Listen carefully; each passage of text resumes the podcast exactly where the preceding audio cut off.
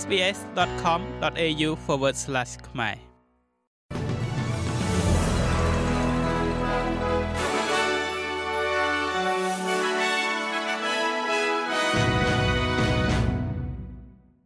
សូមស្វាគមន៍មកកាន់នេតិព័ត៌មានខ្លីៗរបស់ SPS ខ្មែរសម្រាប់ថ្ងៃច័ន្ទទី30ខែតុលា ឆ្នាំ2023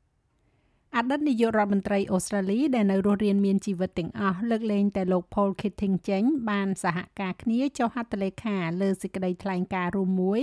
តាក់ទងទៅនឹងសង្គ្រាមអ៊ីស្រាអែលនិងក្រុម Hamas សេចក្តីថ្លែងការណ៍នេះបានថ្កោលទោសការវាយប្រហារថ្ងៃទី7ខែតុលាដោយក្រុម Hamas មកលើអ៊ីស្រាអែលហើយអំពាវនាវឲ្យមានការដោះលែងចំណាប់ខ្មាំងដែលក្រុម Hamas ចាប់បានដោយឥតលក្ខខណ្ឌ និងសម្រាប់ការចូលផ្ដល់ជំនួយមនុស្សធម៌សម្រាប់ប្រជាជនប៉ាឡេស្ទីនសេចក្តីថ្លែងការណ៍នេះត្រូវបានចុះហត្ថលេខាដោយអតីតនាយករដ្ឋមន្ត្រី លោក John Howard លោក Kevin Rudd លោកស្រី Julie Gillard លោក Tony Abbott លោក Malcolm Turnbull និងលោក Scott Morrison វាក៏បានគ្រប់គ្រងដំណោះស្រាយរដ្ឋពីរជាមូលដ្ឋានសម្រាប់សន្តិភាពយូរអង្វែងរវាងប្រជាជនអ៊ីស្រាអែលនិងប៉ាឡេស្ទីនផងដែរកាលពីថ្ងៃអាទិត្យ ទី29ខែតុលាលោកអតីតនាយករដ្ឋមន្ត្រី Paul Keating បាននិយាយថាលោកត្រូវបានតាក់ទងដោយលោក Mark Leibler ដែលជា ប្រធានបច្ចុប្បន្ននៃក្រុមប្រឹក្សាកិច្ចការអូស្ត្រាលីអ៊ីស្រាអែលនិង Swift ដើម្បីស្នើសេចក្តីថ្លែងការណ៍រួមនេះប៉ុន្តែលោកបានសម្រេចចិត្តមិនចុះហត្ថលេខាលើវាទេ ក្នុងពេលជាមួយគ្នានេះដែររដ្ឋមន្ត្រីការបរទេសលោកស្រី Penny Wong បានបញ្ជាក់ថាជនជាតិអូស្ត្រាលីចំនួន88នាក់និងក្រុមគ្រួសាររួមទាំងអ្នកដែលកាន់ទឹកធការផងនោះនៅតែជាប់គាំងនៅក្នុងកាហ្សានៅឡើយ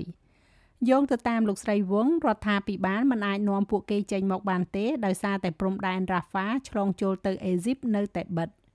លោកស្រីបានប្រាប់វិទ្យុ ABC ថារដ្ឋាភិបាលមានការព្រួយបារម្ភអំពីសវត្ថិភាពរបស់ប្រជាជនអូស្ត្រាលី និងជនស៊ីវិលនៅក្នុងតំបន់នេះជាពិសេសអ្នកដែលមិនមានបំណងចង់ចាក់ចែងមួយទៀតនោះពាក់ព័ន្ធជាមួយនឹងដំណើរទស្សនកិច្ចទៅកាន់ប្រទេសចិនលោកនាយករដ្ឋមន្ត្រី Anthony Albanese មានប្រសាសន៍ថាការធ្វើដំណើរដែលរំពឹងទុករបស់លោកទៅកាន់ប្រទេសចិន គឺស្ដីពីការបើកទំនាក់ទំនងជាមួយនឹងមហាអំណាចពិភពលោកមួយនេះប៉ុន្តែលោកបានបដិសេធចំពោះការដែលថាលោកនឹងទៅទីនោះក្នុងនាមជាមនុស្សកណ្ដាលរវាងអាមេរិកនិងចិន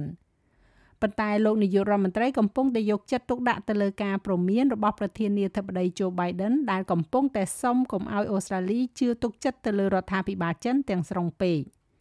លោក Albanese ធ្វើដំណើរទៅកាន់ប្រទេសចិននៅថ្ងៃសៅរ៍ទី4ខែវិច្ឆិកាខាងមុខនេះដែលនឹងជាលើកដំបូងហើយចាប់តាំងពីឆ្នាំ2016មក ដែលមេដឹកនាំអូស្ត្រាលីបានធ្វើទស្សនកិច្ចទៅប្រទេសចិន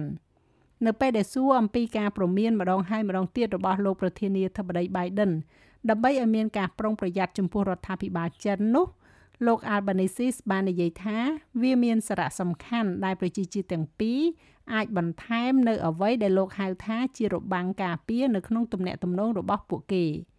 លោក Albanese មានប្រសាសន៍ថាការធ្វើឲ្យប្រសើរឡើងនៅទំនាក់ទំនងរបស់អូស្ត្រាលីជាមួយនឹងចិនគឺស្ដីអំពីការធ្វើសកម្មភាពនៅក្នុងផលប្រយោជន៍អធិបតេយ្យជាជាងការផ្ញើសារពីសហរដ្ឋអាមេរិក។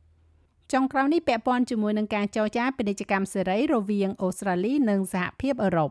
រដ្ឋមន្ត្រីក្រសួងពាណិជ្ជកម្មលោក Don Farrell មានប្រសាសន៍ថាការចរចារវាងអូស្ត្រាលីនិងសហភាពអឺរ៉ុបត្រូវបានកំណត់ថានឹងបន្ត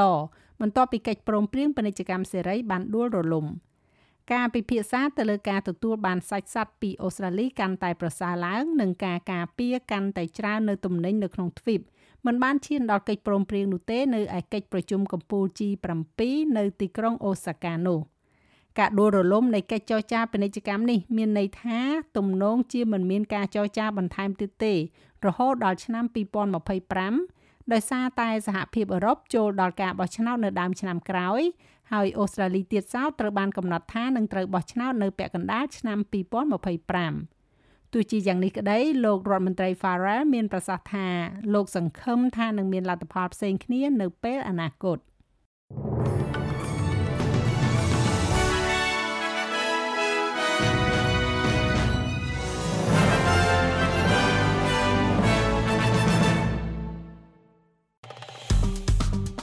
ចុច like share comment និង follow SPS ខ្មែរនៅលើ Facebook